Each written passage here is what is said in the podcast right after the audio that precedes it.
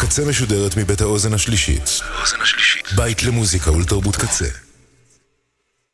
אתם עכשיו על הקצה. הקצה.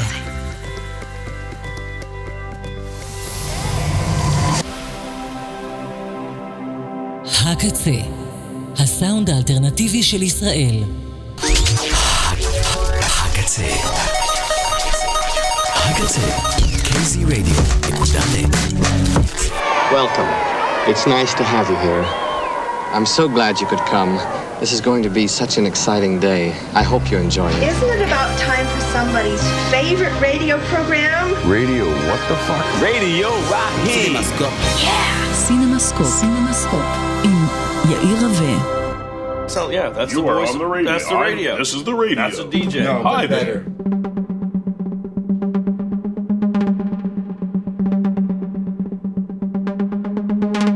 אני תמיד אה, נזכר שזה סת רוגן שם בסוף עם ה- This is the radio hi there מתוך פיינפל אקספרס. וזה רלוונטי כי נדבר עוד מעט על סרט עם סת רוגן. שלום לכם, אני יאיר רווה, הגעתם לסינמסקופ ברדיו הקצה. תוכנית מספר 363. 23 בנובמבר 2022, כ"ט חשוון תשפ"ג. את סימסקו ברדיו הקצר עושים עומר סנש, בן אש, לאה שפיגל, תודה לאוזן השלישית, תודה לצוות האתר kzradio.net על כל התכנים שנמצאים באתר, כתובים ומנוגנים, הכל שם להאזנה ולקריאה בשבילכם. ואם אתם רוצים לתמוך בתחנה ובתחזוקה שלה ובמכשירים שלה, יש שם את הכפתור של פטריון שאתם יכולים לעזור לתחנה להתקיים.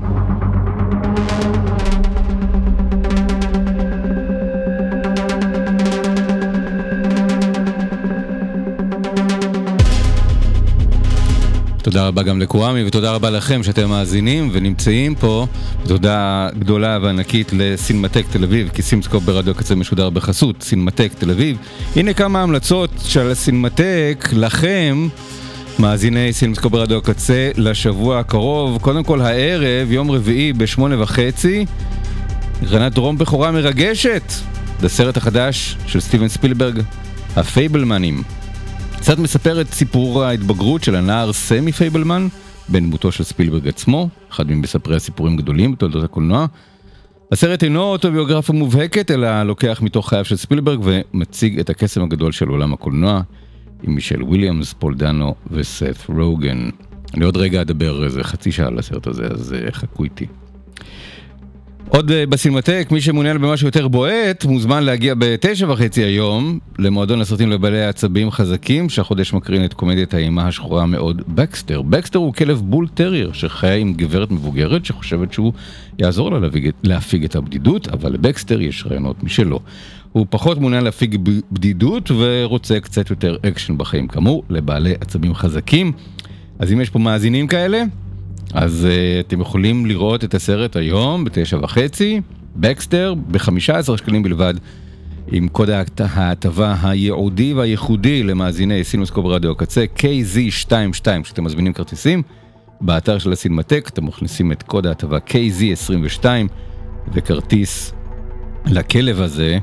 יעלה לכם 15 שקלים בלבד. ובשבת, אחרי הצהריים, ברצועת הקלאסיקות המודרניות של הסינמטק, המספריים של אדוארד, סרטו הנפלא ומחמם הלב של טים ברטון עם ג'וני דפ, בתפקיד האיקוני ווינונה ריידר בתפקיד הנערה בה.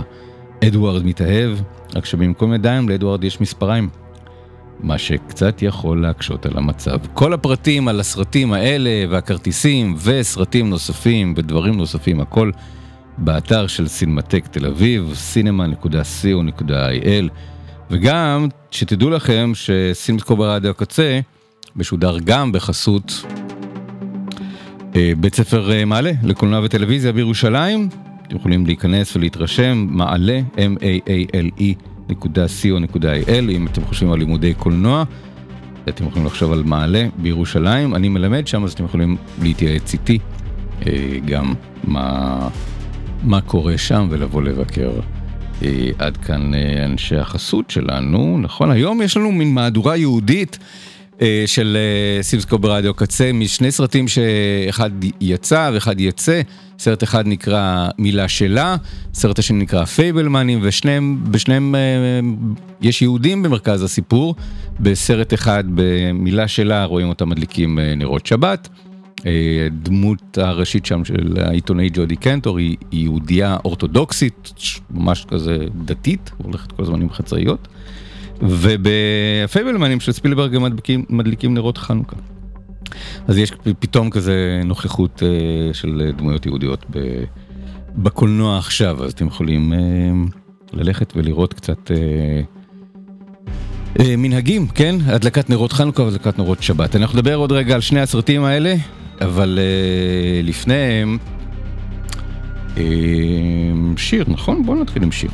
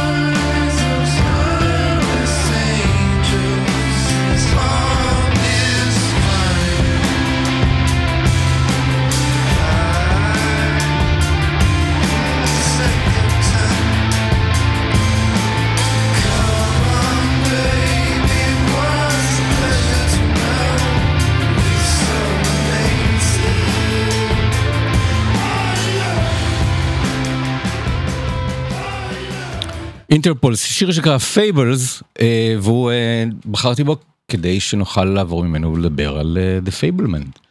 פייבלמנס, אנשי האגדות, אנשי הסיפורים, הסרט אה, האוטוביוגרפי, אה, או הסמי אוטוביוגרפי של אה, סטיבן ספילברג, אבל הוא סמי אוטוביוגרפי רק במובן הזה של הגיבור קוראים סמי.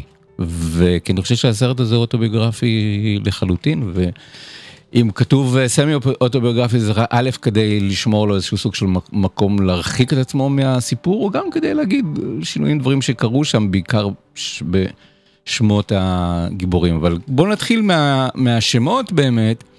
אמ, לסטיבן ספילברג השם האמצעי שלו הוא סמואל, הוא שמואל. כאילו לאמריקאים היהודים יש להם כאילו שם יהודי, השם שאיתו הם עולים לתורה ב, ב, ב, ב, בשבתות, כשהם הם עולים לתורה. אז, אה, אז הוא שמואל, סמואל, סם.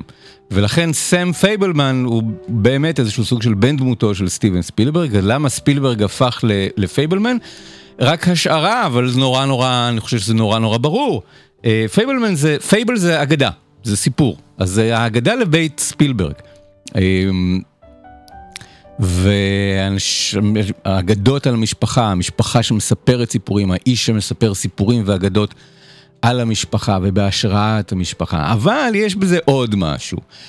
אחת, אחת הפעמים הראשונות שספילברג התעסק אה, כקולנוען בזהות יהודית, היה דווקא בסרט אנימציה שהוא יצר, שבאנגלית קרא An American Tale, Tale משחק מילים וכתיב טייל אה, מאוית כמו זנב, אבל כאילו אגדה, סיפור אמריקאי. בעברית קראו לו פייבל והחלום האמריקאי, כי לעכבר הראשי, הדמות הראשית קראו פייבל מאוסקוביץ. אה, פייבל זה גם כזה מילה מקטינה ביידיש, פייבל זה, אה, זה, זה אור, זה כאילו מין קרן שמש. אז fable אגדות, פייבל אור מואר, קרן שמש, כל משהו בקטן, תחברו אגדה עם אור ואתם מקבלים את הקולנוע. אז uh, אני חושב שיש פה איזשהו מהלך uh, uh, ספרותי, תסריטאי, כתיבתי, uh, מאוד מעניין שהמפגש הזה בין, בין סטיבן ספילברג וטוני קושנר כ, כשותפים לתסריט, אני חושב שטוני קושנר, uh, שזה הסרט השלישי שהוא עושה עם, עם, עם ספילברג, הוא אה, עושה, כתב לו את לינקולן ואת, ואת מינכן. אה, אני חושב שהחיבור ביניהם יצר עוד כל מיני רמזים ודימויים. ועוד איזשהו אלמנט של מודעות עצמית וניתוח עצמי של, של, של ספילברג במבט מבחוץ, שאני לא יודע אם ספילברג היה מעז לעשות את זה אם הוא היה כותב את הסיפור לגמרי בעצמו. אה, אז אני חושב שהפייבלמנס זה, לא יודע אם זה בא מספילברג או מקושנר, אבל הרעיון הזה של האגדה ושל האור ושל המספרי סיפורים והאיש ש, שגדל להיות אה, אה, מספר סיפורים. אני בקונפליקט מאוד גדול עם הסרט הזה, הוא, הוא קודם כל, תדעו לכם, הוא יפהפה, הוא מרגש נורא, הוא, הוא נוגע ללב, זה כאילו זה סרט שחיכינו שספילברג יעשה פחות או יותר מאז שהוא התחיל לביים. אצל רוב הבמאים, זה הסרט הראשון שהם עושים, בוודאי בבמאים שמתחילים מחוץ להוליווד, נגיד קולנוע ישראלי, מלא בסרטים שבנויים על, על סרט ראשון שהוא סרט אה, ביוגרפי שמבוסס על זיכרונות מהבית, מהילדות, מאיזושהי טראומה אה, בגדלות, משפחה שמפורקת, משפחה שיש בה איזושהי טרגדיה, משהו שקורה בתוך הבית, המסע הזה ש, שאנשים סוחבים על הכתפיים. ושבעצם מצדיק את, הסיב, את הסיבה למה הם נהיו אומנים, למה הם נהיו יוצרים. ספילברג מעולם לא עשה את זה עד עכשיו, אבל גם מצד שני הוא מעולם לא הסתיר את הדברים האלה. כל, כל הסיפורים, כמעט, תכף אנחנו נדבר על אלה שלא, אבל כמעט כל הסיפורים שמופיעים בסרט, כמעט כל הסצנות וזיכרונות הילדות של ספילברג אה, בסרט, המעבר של המשפחה מניו ג'רזי לאריזונה ומאריזונה לקליפורניה, צפון קליפורניה ואחר כך דרום קליפורניה, אה, כל הדברים האלה הוא, הוא דיבר עליהם, הם מופיעים בראיונות שהוא נתן, ראיונות שלוקטו אחר כך ב, גם לסרטי תעודה שנעשו עליו, גם לביוגרפיות, כולל ביוגרפיות רשמיות ויפות ש, שנכתבו עליו. כמעט הכל נמצא שם, המערכת היחסים המאוד טעונה בתוך הבית, המערכת היחסים המאוד יהודית בתוך הבית, איזשהו סוג של אה, מתח בין אה, מודרניות ובין אורתודוקסיה שהייתה בין דור הסבים ובין דור ההורים והילדים. הרצון להתבולל, הרצון ל- ל- ל- להתקבל כמו כולם, הרצון של גם בבית שלי יהיו אה, אורות חג מולד כמו לבית של כולם, למה אנחנו יוצאי דוף ו- וכן הלאה, הנושא של היהדות, אני חושב שזה הסרט הכי יהודי שיש לספילברג. תמיד יש אצלו דמויות יהודיות, אבל אני לא חושב שאף פעם היה אצלו דמות ראשית כל כך, אה, כל כך יהודית בסרטים, אה, מהסרטים שלו. אז הקשר עם, ה, עם היהדות, הקשר עם העבר, הקשר עם ההורים. אז הוא אף פעם לא, לא דיבר על זה בסרטים שלו באופן מפורש, אבל זה תמיד היה שם. ואני בתור מי שבאמת אוהב את ספילברג, אני חושב שלהגיד מעריץ זה, זה קטן על, ה, על, על מה שאני אה, מרגיש כלפי ספילברג. אני באמת באמת אוהב את הסרטים שלו כי, כי, כי הם נוגעים בי במקום אה, נורא עמוק. גם את זה אני עוד רגע אנסה להסביר. אז אני רואה את זה. בגלל שאני מכיר את הסיפורים שלו, קראתי את הספרים עליו, ראיתי את הסרטים התיעודיים, שמעתי את הרעיונות שלו, אני מכיר פחות או יותר סיפור חיים באופן כללי, שהוא עצמו מדבר עליו באמת לא מעט.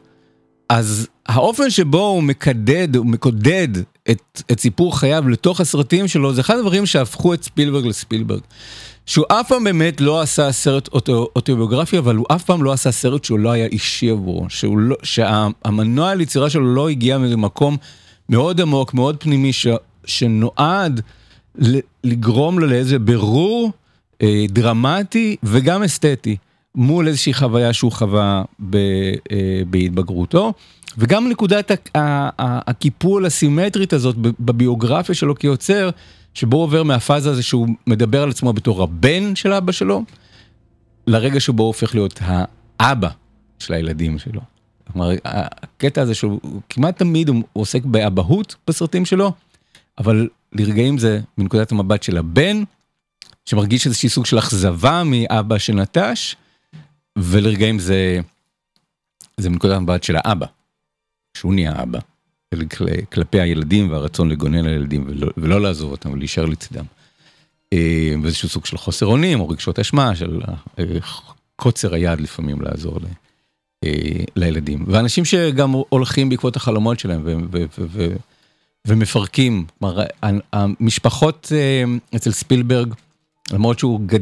צמח בתוך הקולנוע האמריקאי וזכה להצלחה בייחוד בשנות ה-80 שפתאום הנושא הזה של ערכי משפחה ועולם הזה של רייגן וה, והמפלגה הרפובליקנית אז דיברו הרבה על נושא של משפחה ותמיד המשפחה עמדה במרכז הסרטים של, של ספילברג אבל המשפחה אצלו לא, לא הייתה המקום הכי בטוח תמיד היה שדה מוקשים רגשי, זה תמיד היה מקום שהיה על סף פיצוץ או על סף פירוק.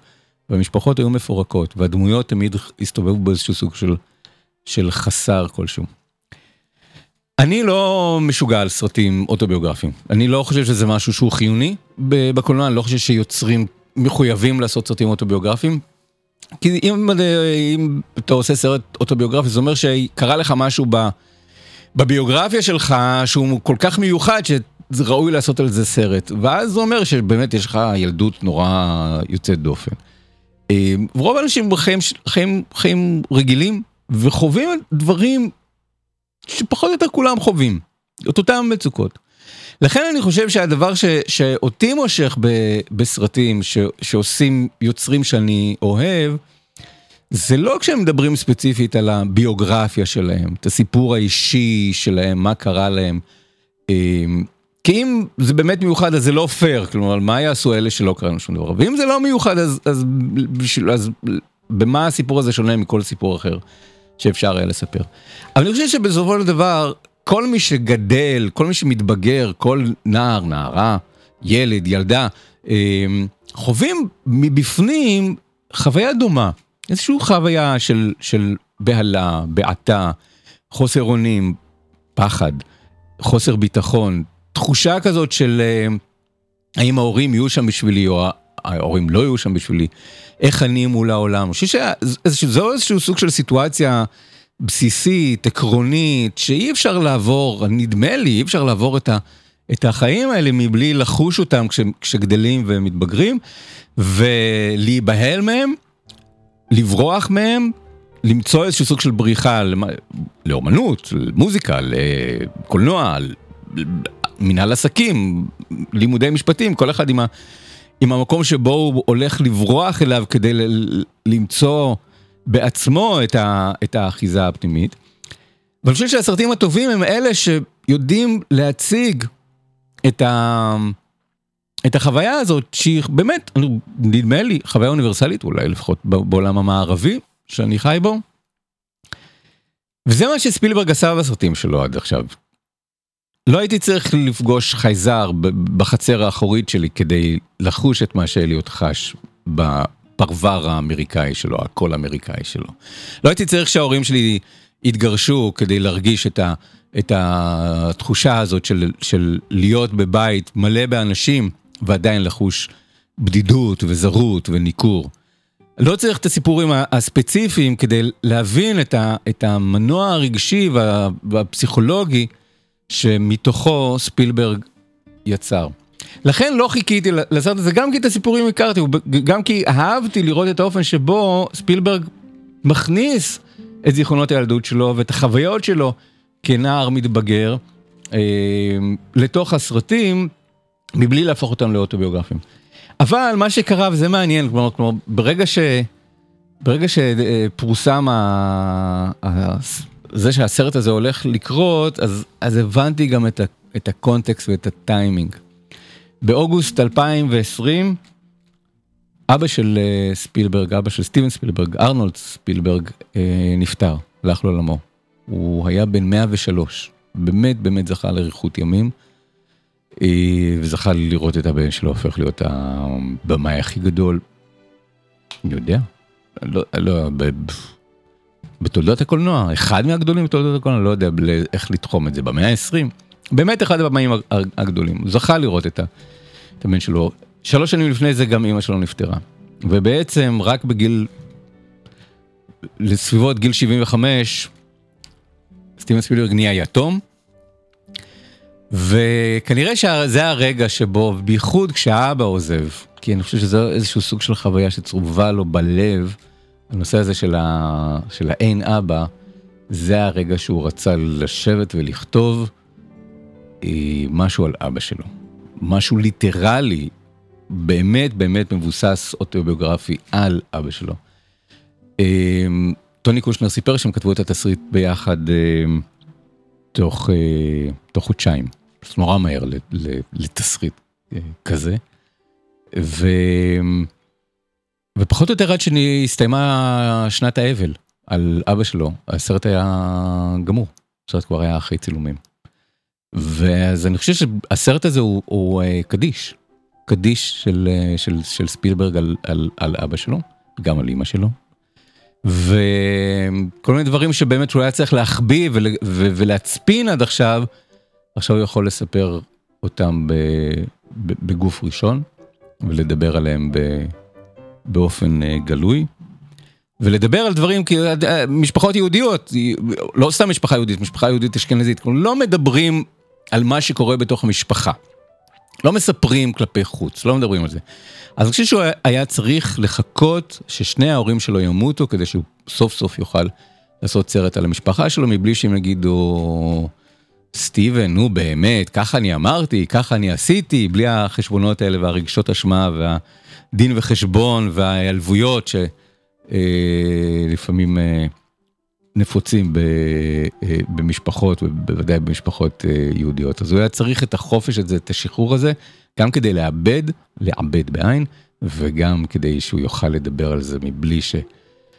מבלי שהוא יצטרך לצנזר את עצמו וגם לבקר את ההורים שלו אבל גם אני חושב בפעם ראשונה לראות אותם בתור בני אדם. וכאן יש בכל זאת אם אתם עוקבים אחרי הקריירה של, של ספילברג יש איזשהו חידוש. בסרט הזה שצובע את הסרטים של ספילברג באור אחר וזה זה אני חושב הכוח של הדבר המעניין ביותר בסרט הזה מבחינה עלילתית. כל הסרטים של ספילברג הבולטים יש בהם איזשהו מוטיב אחד שחוזר על עצמו שוב ושוב הדמות של האבא. כל, כל הזמן ספילברג היה ברור שלספילברג יש איזשהו אישו עם אבא שלו היה ברור גם שהוא בא ממשפחה של הורים שהתגרשו. אמנם הם התגרשו כבר כשהוא היה מבוגר, הם התגרשו כשהוא היה בן 20, אבל נגיד שהנישואים התפרקו אה, כמה שנים קודם לזה, לכן, או שהוא חש בה. בהתפרקות הזאת אה, קודם, או במתח בין ההורים, בתחושה הזאת שההורים לא משדרים על אותו תדר, ובעיקר שהוא מאוד מאוד מסונכרן לאימא שלו ולחלומות של אימא שלו וליצירתיות של אימא שלו, ומאוד מאוד לא מסונכרן לאבא שלו, איש המדע, האיש, האיש הטכני, האיש של, של המחשבים, המהנדס, שאף פעם לא באמת קיבל את, ה, את האהבה של ספילברג לקולנוע בתור משהו שהוא יותר מהובי או, או משהו שהוא, שהוא אומרת, אז האופוזיציה הזאת שלו מול האבא שלו הייתה שם גם בלי קשר ל- לגירושים של, ה- של ההורים. אה, ובכל הסרטים של ספילברג זה, אפשר לכתוב על זה כרכים, אפשר לעשות על זה ניתוחים פסיכואנליטיים, אפשר מה שאתם רוצים, הנושא הזה של דמות האב. האב הנעדר באיטי, ההיעדרות של האבא נורא נוכחת. במפגשים מהסוג השלישי, האבא שמעדיף לקום ולעזוב את הכל כדי לצאת לעלייה לרגל שלו, לחפש את, ה, את החלליות שהוא, שהוא, שרודפות אותו ב, ב, אה, בדמיונו. הילד שמרגיש מחוץ לס- לסיפור ב, ב"תפוס אותי אם תוכל", סרט ש, שסרט כמו הפייבלמנים חושף עד כמה שתפוס אותי אם תוכל הוא, הוא, אה, הוא סרט אישי, לא רואים את זה, אני לא, אני לא ראיתי את זה מיד כשראיתי תפוס אותי אם תוכל, סרט שלקח לי זמן לאבד אותו. המסע של תום הנקס בטרמינל בעקבות חלום של אבא שלו להגיע לניו יורק, להגיע לאמריקה. כל הזמן הילדים או בורחים מהנוכחות של האבא או הולכים בעקבות החלומות של האבא. תמיד האבא הוא איזשהו סוג של מנ- מנוע לסיפור הזה, או שהולכים לקראתו או שהולכים ממנו, ותמיד היה ברור שיש משהו אצל uh, ספילברג עם אבא שלו, והתחושה הייתה באמת, uh, זאת תגובתו ל- של ילד שאבא שלו עזב את הבית. ועכשיו מגיע פייבלמנים, ומספר את הסיפור כנראה כפי שהוא היה באמת, ואנחנו מגלים שחוויה רגשית זה דבר אחד וחוויה מציאותית זה דבר אחר, מסתבר שהאבא לא עזב את הבית. זאת האימא שעזבה את הבית. אבל בסרטים של ספילברג אין לו שום חשבונות עם אימא שלו. אין שם שום דבר חוץ מהערכה, אולי לוקח את האימא כמובנת מאליה. יש לו רק חשבונות מול האבא, כל הזמן, בכל הסרטים שלו, אבל האבא הוא זה שנשאר. ולספילברג הצעיר זה לא הספיק. וזה מה שמעניין בסרט הזה, זה אני חושב שאולי הסיבת הקיום של הסרט הזה זה שזה מכתב אהבה להורים, מכתב אהבה גדול לאימא שלו, לחופש הגדול ש, שהיה בה. אבל אני חושב שזה גם איזשהו מכתב התנצלות לאבא שלו. אה, שעד ש... עד שהוא מת, ספירברג לא ידע לייצג את הדמות הזאת כמו שצריך בסרטים שלו, כמו שהוא היה שם. להעריך את זה שהוא זה שבסופו של דבר היה שם, הוא זה שהיה האחראי יותר, הנוכח יותר, אבל, אבל לא היה קשר ביניהם, לא היה ביניהם קשר. עד כדי כך שבאמת ספילברג מספר ברעיונות, הם, הם ניתקו ביניהם את הקשר במשך 15 שנים. הם, כי, כי הם פשוט לא תקשרו ביניהם, לא, לא הבינו מה השני עושה, לא הבינו למה, למה הם כאלה. אז, אה, אז זה, זה החידוש שיש בסרט הזה, הדמות הזאת של האבא. והדבר הנוסף הוא, זה המוטיב, יש, יש מוטיבים ש, שהסרט הזה הוא, הוא כמו אינדקס, אפשר לקחת את הסרט הזה, לעבור סצנה סצנה, לראות את זיכרונות הילדות של ספילברג, ולמשוך קו לעשרות סצנות אחרות שהוא עשה בסרטים אחרים, ולראות איך, איך רגע שקרה לו בחיים השפיע או יצר את, הסרט, את הסצנות הקודמות. החוויה הקולנועית הראשונה שלו, הוא ראה את ההצגה הגדולה בתבל של ססיל בי דמיל ב-1952, כשהוא היה קצת לפני גיל 6. עם ההורים ו, ונהיה מבועת מסצנת אה, תאונת הרכבות שיש שם. ואז חפשו רכבות בסרטים של ספילברג, בין אם הוא ביים אותם כמו ב, עם סט הרכבות של, של ריצ'רד דרייפוס במפגשים מהסוג השלישי, בין אם הוא הפיק את זה והיה איזשהו סוג של אה, נוכח ודומיננטי בתהליך היצירה. סצנת אה, תאונת הרכבות בסופר 8 של ג'יי ג'יי אברהם, סרט שספילברג אה, אה, הפיק, אה, שהיא מגיבה לזה, מגיבה ל, ל, לסצנה ההיא מההצגה הגדולה בתבל. אה, אז, או הרגע הזה שבו הוא רואה את אימא שלו רוקדת מול פנסי מכונית, וה backlight הזה שהוא מצלם, ואתם רואים איך מאותו רגע, הנושא הזה של ה backlight, האור שמגיע מאחורי הדמות, ויוצר לדמות איזשהו סוג של הילה מלאכית, זה יהפוך להיות איזושהי חתימה, חתימה ויזואלית שמלווה את הסרטים של, של ספילברג. אז רואים כאילו איפה זה, איפה זה נולד, איפה זה נוצר, מה הרגע הזה שבו הוא חווה את החוויה הזאת כ, כ, כמשהו אסתטי. את הכוח של, ה, של המצלמה להמציא דברים, אבל גם לחשוף דברים. הכוח של המצלמה לברוא מציאות, אבל גם לתעד איזושהי מציאות ולחשוף את המציאות. כוח ל- ליצור משהו אה, עבור היוצר, אבל גם להרוס את, ה- את החיים. כל הדברים האלה אנחנו רואים בסרט הזה. אבל יש איזשהו מוטיב חדש שלא ראיתי בסרטים הקודמים של ספילברג, והוא נורא נוכח בסרט הזה, וזה הקרקס. ואני חושב שזה ה... אמ, אולי על זה הסרט בעצם, הפייבלמנים, על, על, על החיים בקרקס. כי הסרט מתחיל בזה שמשפחת פייבלמן הולכת לראות את ההצגה הגדולה בתבל של ססיל בי דמיל, סרט על קרקס. והחוויה של ספילברג זה שהוא הולך לקרקס. שלוקחים, וההורים שלו אומרים בוא אנחנו הולכים לראות את הקרקס, תראה את הפילים ואת הג'ירפות ואת החיות של הקרקס. תראו אותם בגדול ומקרוב.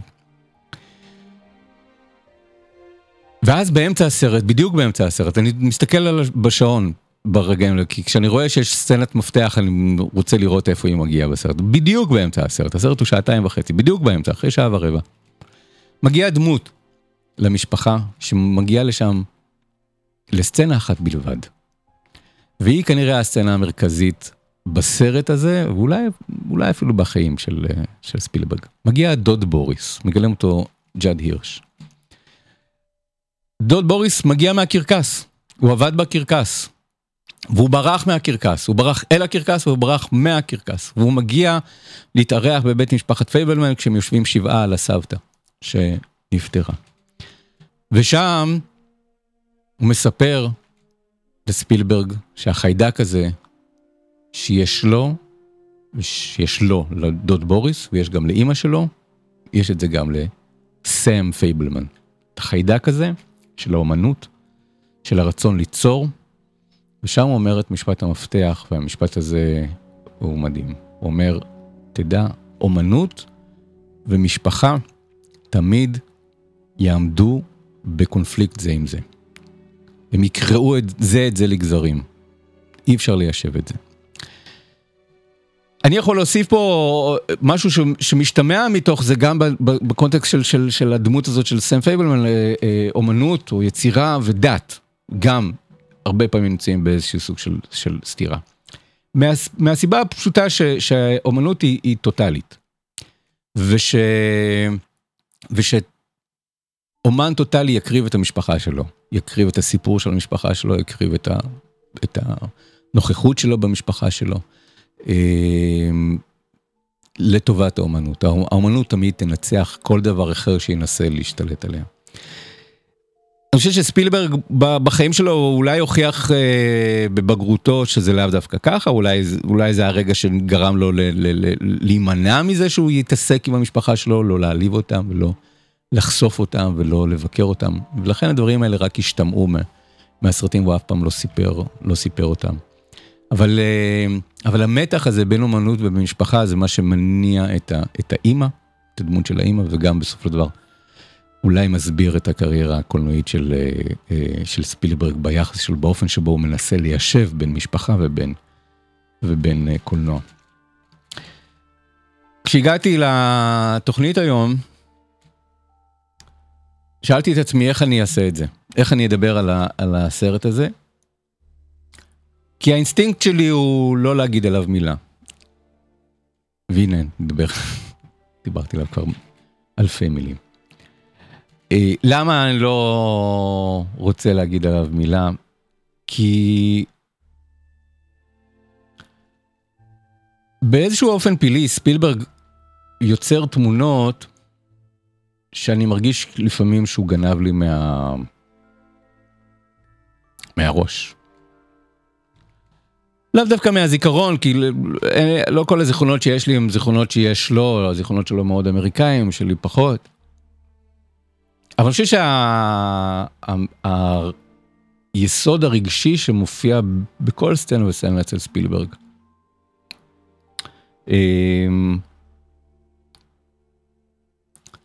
אני נורא מכיר אותו. אני רואה שוטים, מבט, תנועת מצלמה אצל ספילברג ואני, ואני מבין על מה הוא מדבר. זה הסיבה שאני כל כך אוהב אותו. אני, אני. אני מבין על מה הוא מדבר, אני מבין את, ה, את, ה, את, את, את הלך הרוח הרגשי שהוא, שממנו הוא יוצר. ואז כדי לדבר על הדברים האלה, אז, אה, אז, הרבה, אז אני מרגיש כאילו שאני צריך לספר עליי ולא לספר עליו, אני רוצה לדבר עליו, כי אני חושב שהוא באמת גדול היוצרים. וגדול האנשים ש, שיודע לדבר עם קהל ענק, ולדבר עם המכונה הכי משוכללת שיש לקולנוע מבחינת מצלמה, ותאורה, ושחקנים, ואפקטים. אמ, אבל הרבה פעמים אני מרגיש כאילו שהוא מדבר רק איתי. ואני מניח שהרבה אנשים מרגישים את זה. אה, ולכן הוא כל כך מצליח, אבל... אה, ואין לי חשק ל- ל- ל- לראות את הסצנה, כבר בסצנה הראשונה של הילד שנכנס לקולנוע בפעם הראשונה, ו... והעיניים שלו נפערות, והפה שלו פעור, והוא מבין שמשהו יסודי בחיים שלו השתנה באופן טוטאלי. זה מעניין כשיוצאים מחוויה כזאת משמעותית של לראות סרט בפעם ראשונה, או לראות איזשהו סרט בפעם ראשונה. אמ, אז יש, מסתבר שתי חוויות, או שאתם רוצים לשחזר את הסרט הזה ואז אתם במאים, או שאתם רוצים סתם לאחוז משהו מהסרט הזה, או לראות אותו שוב ושוב, או ל- ל- לקנות מזכרות ממנו, ואז אתם או מעריצים או מבקרי קולנוע, באיזה צד של, ה, של המפתן אתם uh, נמצאים. אז אני מכיר, את ה, מכיר מבפנים את, ה, את, ה, את הרגעים האלה, את החוויות האלה, את התמונות האלה, את, ה, את, ה, את, ה, את התחושה הזאת. ו... והרבה פעמים אני מרגיש שספילברג מספר אה, סיפורים שהיו יכולים להיות שלי, לא תמיד שידעתי שהם יכולים להיות שלי, אבל אני מרגיש אותם מבפנים. ואז כשהוא מדבר על הילדות שלו ומה גרם לו להיות אה, במאי, אז אני אומר, אני, לא הייתי צריך את זה, אני יודע. כבר ראי, קראתי אותך קודם, ראיתי אותך קודם, אה, אני לא צריך את ה... את ההסברים, את, ה, את, ה, את הנספח הזה בשביל להסביר מאיפה הגיעו השוטים ומאיפה הגיעו המוטיבים הקודמים. אבל כן אהבתי את זה שהוא סוף סוף מדבר על אבא שלו. גם פה אני מרגיש שזה נורא נורא קרוב אליי, אבא של, של ספילברג נפטר כמה חודשים אחרי שאבא שלי נפטר. ו... וציפיתי שזה יקרה, אבל, אבל, אבל הנה, זה קורה. במילים אחרות אני מאוד מאוד מחכה לסרט הבא של ספילברג. אה, כי אני מעדיף לראות אותו עושה דברים שאנחנו לא, מב... לא ברור לנו לגמרי מה... למה הם. הסרט הבא שהוא עושה זה בוליט, רימייק לסרט של עם סטיב מקווין מ-1968. ו... ב-1968 זה השנה שבה הוא התחיל לביים באופן מקצועי בהוליווד. אז אני מניח שגם כאן תהיה איזשהו סוג של סגירת מעגל עם... עם נקודת ההתחלה של, אה, שלו כ, כקולנוען. אז אה, פייבלמנים, אני מאוד אהבתי. מניח שגם אתם, הסרט הזה באמת, באמת באמת סרט אה, יפה, ובסופו של דבר עוסק באומנות בתור קרקס, שלא פשוט לשרוד אותו, את הקרקס הזה.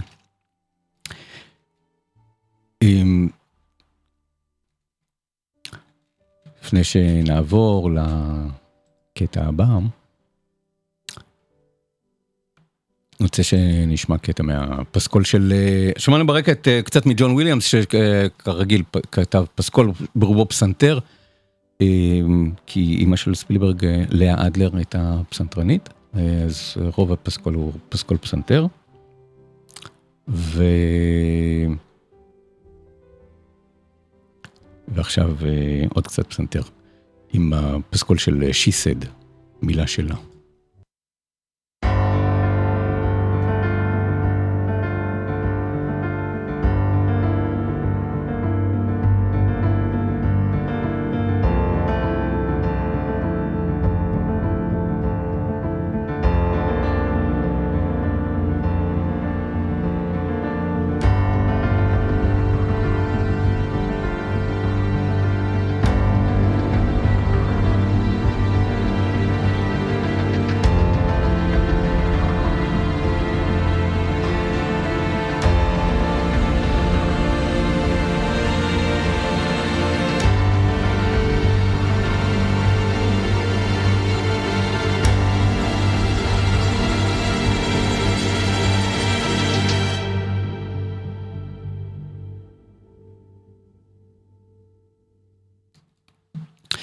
ניקולס בריטל, אה, אחד הפסקולים היפים שיצאו השנה.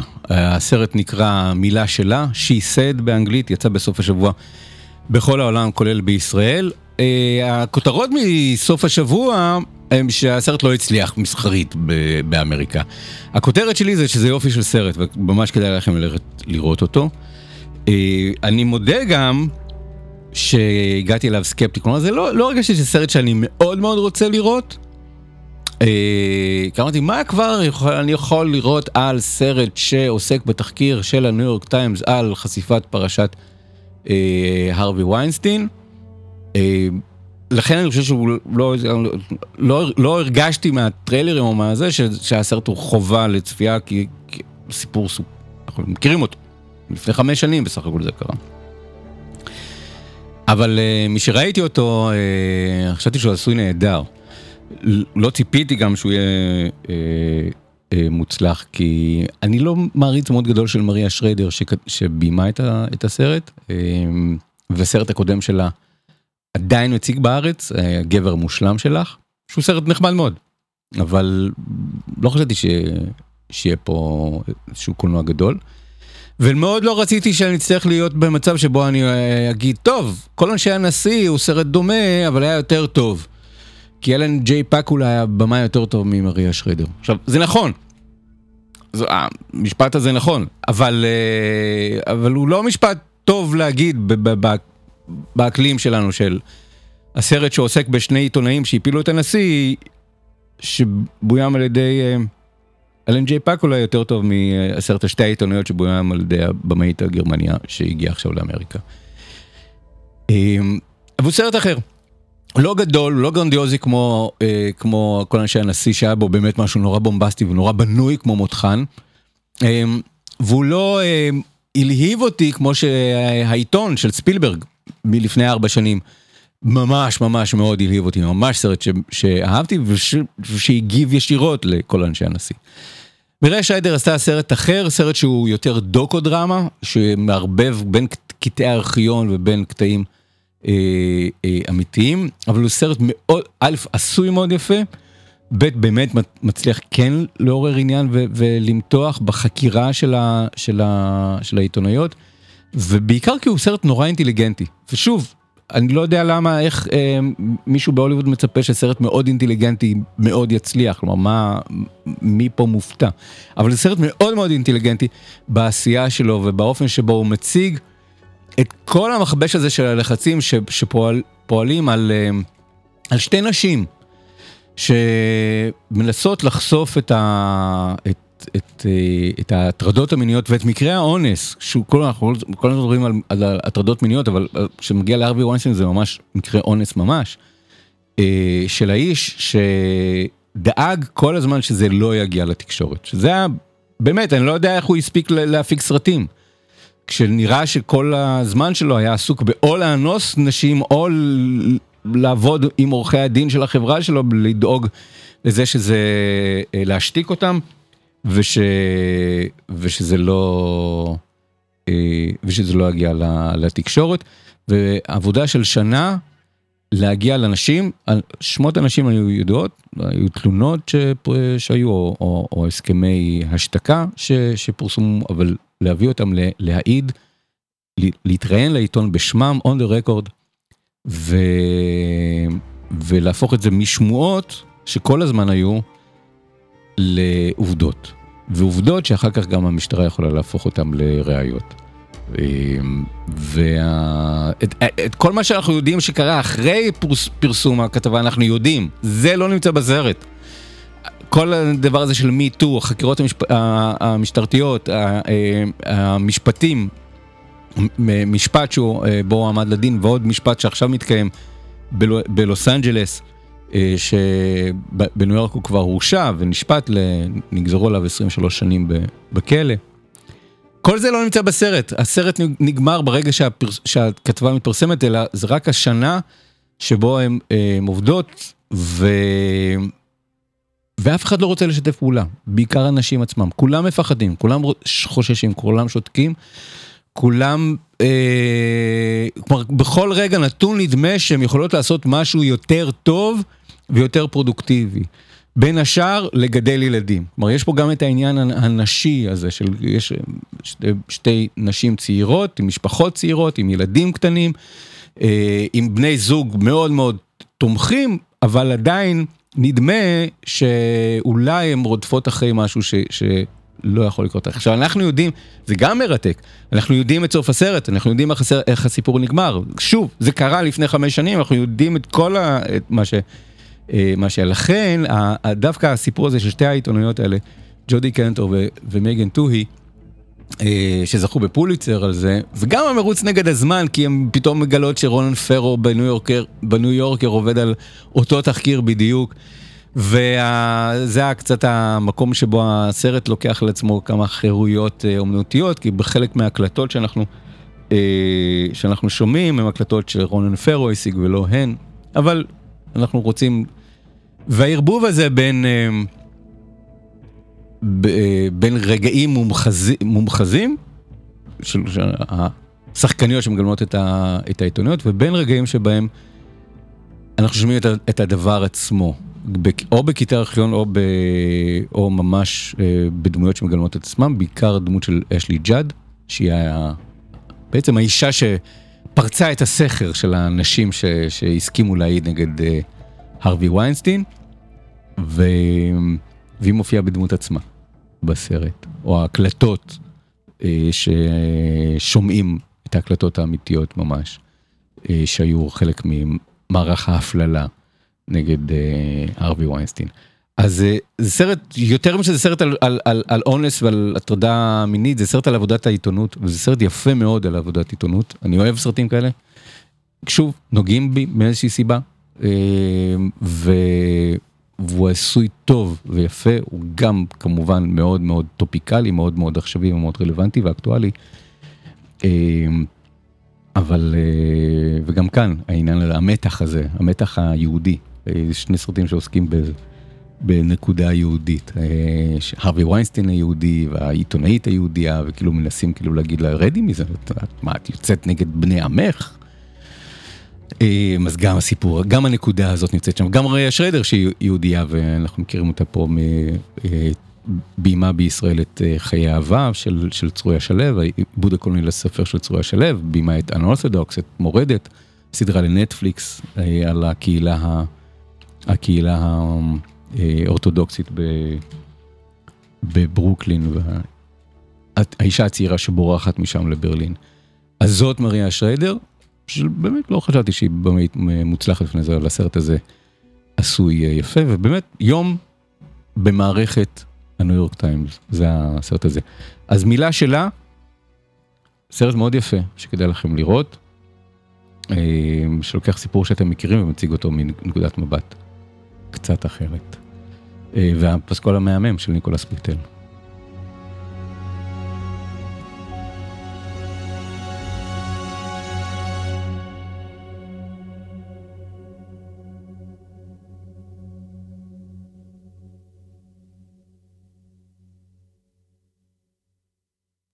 עוד סרט חדש בסוף השבוע בבתי הקולנוע, בעברית הוא נקרא ככה, רצח כתוב היטב, תעלומה יוונית. באנגלית הוא נקרא Glass Onion. אמ, ומה זה? אמ, A Knives Out Mystery.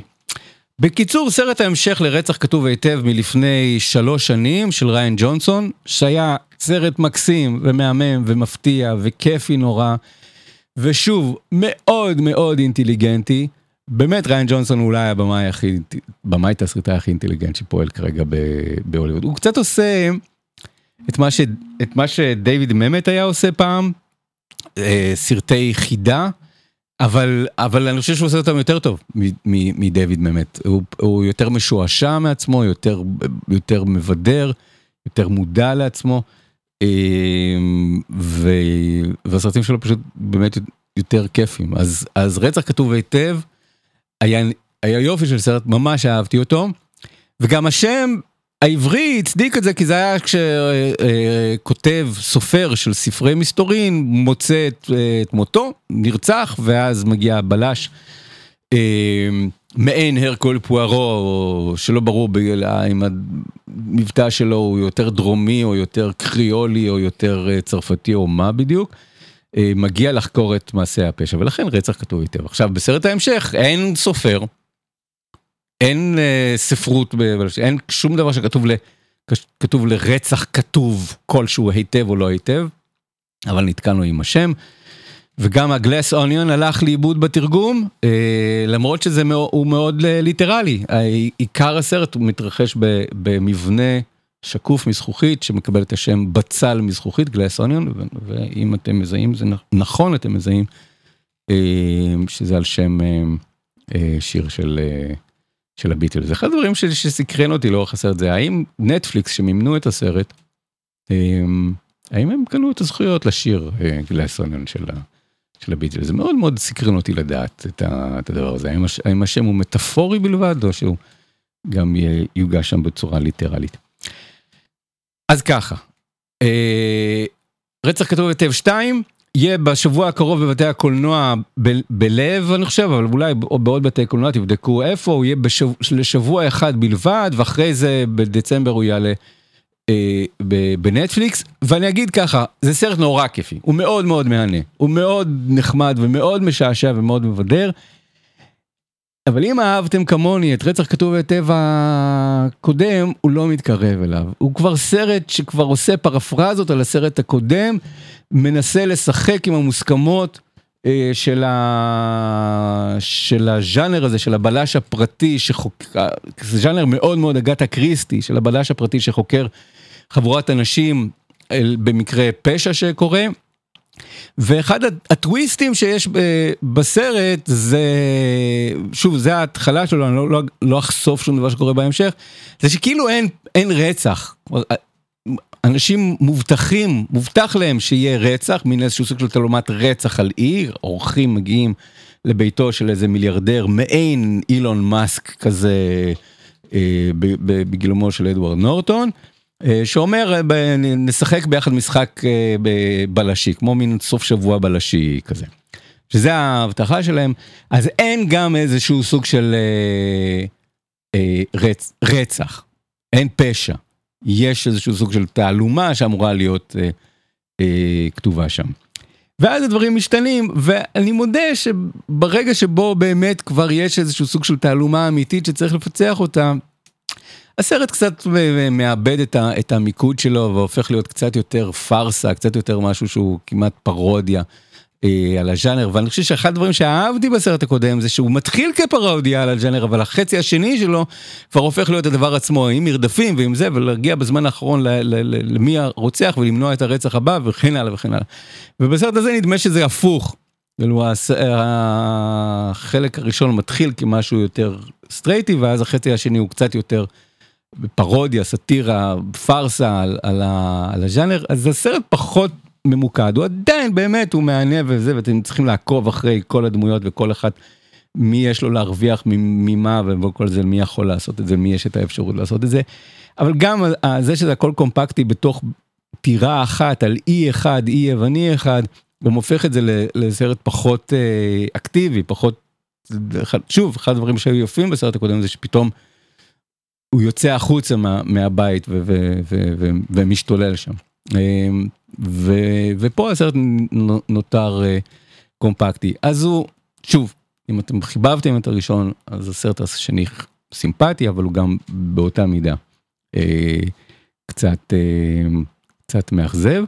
וכהערת שוליים אני אגיד שיש פה איזשהו משהו שקורה עכשיו בקולנוע שבו עשירים, אנשים מאוד מאוד עשירים, מקבלים הזמנה לעלות על סירה ומגיעים לאי ושם קורים דברים איומים ונוראים ומתחילים למות אחד אחרי השני. אז ראינו את זה במשולש העצבות וראינו את זה עכשיו בשבוע האחרון בסרט שנקרא התפריט ועכשיו אנחנו רואים את זה בגלס אוניון, Knives Out Mystery. אמ, יש פה איזשהו אקלים של אה, טבח ב- במיליונר ובמיליארדרים, להעלות אותם על סירות ולהגלות אותם ולהביא אותם לאיזשהו מקום שבו הם אה, ייעלמו, אה, ייעלמו מהחיים. אז אה, זה צריך לנסות להבין למה יש פתאום שלושה סרטים מאוד בולטים שעוסקים ממש עם, עם אותה נקודת מוצא עלילתית. ואם כבר הזכרתי את התפריט, אז אני אגיד שהתפריט אה, הוא סרט שבו אנשים עשירים עולים על סירה, מגיעים לאי, למסעדה, ושם במסעדה מקבלים מנה ראשונה, מנה שנייה, ואז מתחילים, אה, מתחיל דם ו, ורצח ומוות, ו, וזה סרט שמאוד מאוד לא אהבתי. אה, לא אהבתי כי הוא, כי הוא אומר את מה הוא הולך, מה הוא אומר, מה הוא הולך לעשות, וזה מה שבאמת קורה בסוף, ונדמה לי שזה סרט שאין בו שום סאבטקסט, והוא גם לא כל כך מוצלח, לא תסריטאית ולא מבחינת בימוי, יש בו משהו מהודר מסוגנן, אם אתם אוהבים צילומי אוכל, אבל אה, לא, לא התפעלתי אה, ממנו אה, במיוחד. אז כמו ששאלתי, האם אה, נטפליקס קנו את, אה, את גלס אוניון של, ה- של הביטלס, אז אני אעשה לכם ספוילר קטן, ואני אגיד שהתשובה היא כן.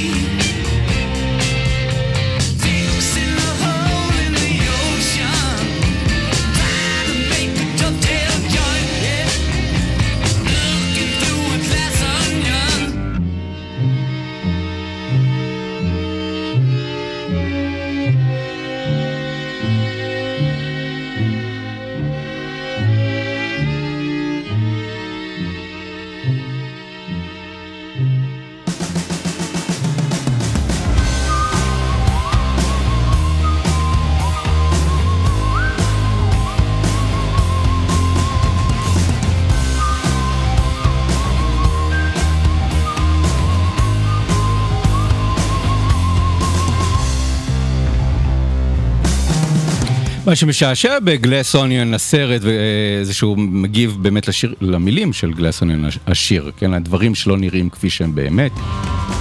להסתכל על אנשים, להסתכל על המסכות שלהם, להסתכל מי מסתתר מאחורי המסכה. אז כן, סרט חמוד ושנון ומשעשע מבדר, אבל לא גדול. אבל ריין ג'ונסון בתור מי שא' מאוד מחבב את, אה, את התשבצים של הניו יורק טיימס, תעקבו אחרי הטוויטר שלו, הוא כותב על זה שם, אה, מפרסם את, ה, אה, את הפתרונות, ומישהו שכל הסרטים שלו עוסקים בחידה כזו או אחרת, אז אני אוהב את זה שהוא אוהב אה, חידות.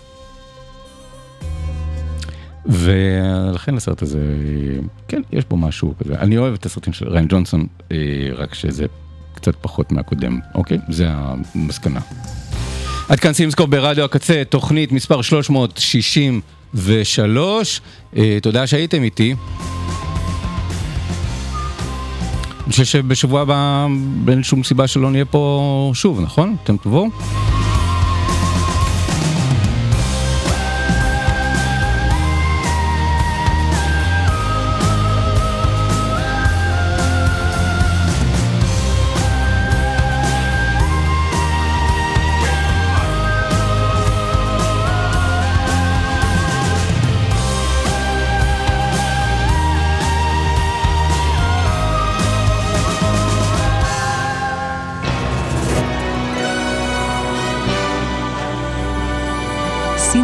סינמסקופ. סינמסקופ.